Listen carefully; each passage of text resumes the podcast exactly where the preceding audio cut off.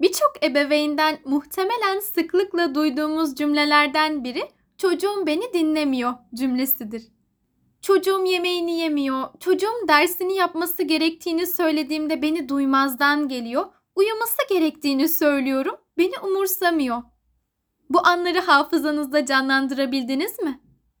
Anne ya da baba olarak belki siz de şu an aynı şeyden şikayetçisinizdir ya da belli bir gelişim döneminde çocuğunuzun sizi dinlemediği zamanları geçirmiş olabilirsiniz. Çünkü çocuklu ailelerin birçoğunda sıklıkla rastlanan sorunlardan biridir çocukların dinlememe davranışını göstermesi. Çocukların yapması ya da yapmaması söylenen şeyleri dinlememesinin nedenlerini uzun bir liste şeklinde maddeler halinde sıralayabiliriz tabii ki. Ama sebepler her ne olursa olsun aradaki iletişimi düzeltmek için bir şeyler yapabilmek de ebeveynlerin elindedir. Unutmayın ki bir çocuk birini dinlemeyi reddediyorsa ya ilişkide ya da iletişimde düzeltilmesi gereken noktalar olabilir. Öncelikle çocuğa amacınızın onun üstünde otorite kurmak ya da zorla sözünüzü dinletmek olmadığını hissettirmelisiniz. Çünkü amacımız benim istediğimi yapacak değil, çocuğum doğru olanı öğrenmeli ve uygulayabilmeli olmalıdır. Sürekli öğütler ve emirler veren hakim bir ses tonu çocuğun istenen davranışı yerine getirmesinde zorlayıcı bir yol olabilir. Aksine işbirlikçi ve sevgi saygı çerçevesinde gösterilen yaklaşım ise çocuğun beklenen davranışı yerine getirmesinde tabii ki daha da destekleyicidir. Ayrıca çocuğunuza neden beklediğiniz şeyi yapmadığını açıkça da sorabilirsiniz.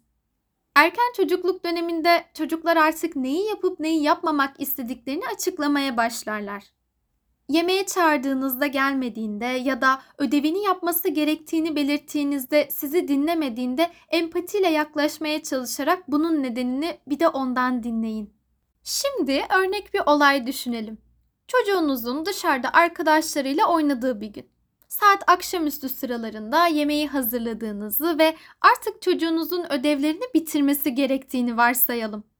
Ama çocuğunuz arkadaşlarıyla o kadar eğleniyor ki o anda siz de yemek yemesi gerektiği ve ödevlerini bitirmesi gerektiğinden çocuğunuzu eve çağırıyorsunuz. Ancak o büyük tepkilerle bu isteğinizi reddediyor. Normalde baktığımızda zaten saatlerdir dışarıda oynadığını, yemek ve ödevin şu an için önemli olduğunu düşünebiliriz.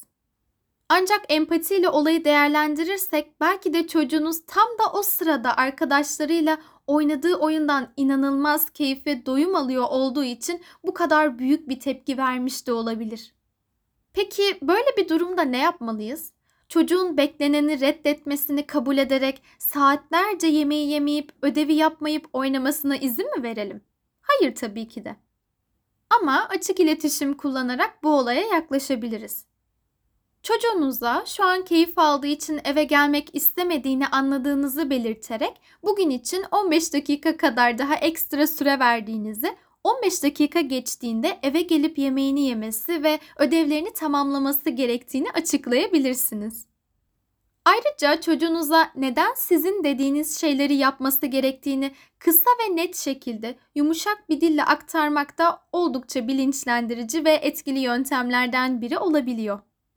Fakat bu yöntemleri uygularken gözden kaçırılmaması gereken nokta yapmasını beklediğiniz şeylere dair tavrınızın ve limitinizin çocuk için açık, net olması.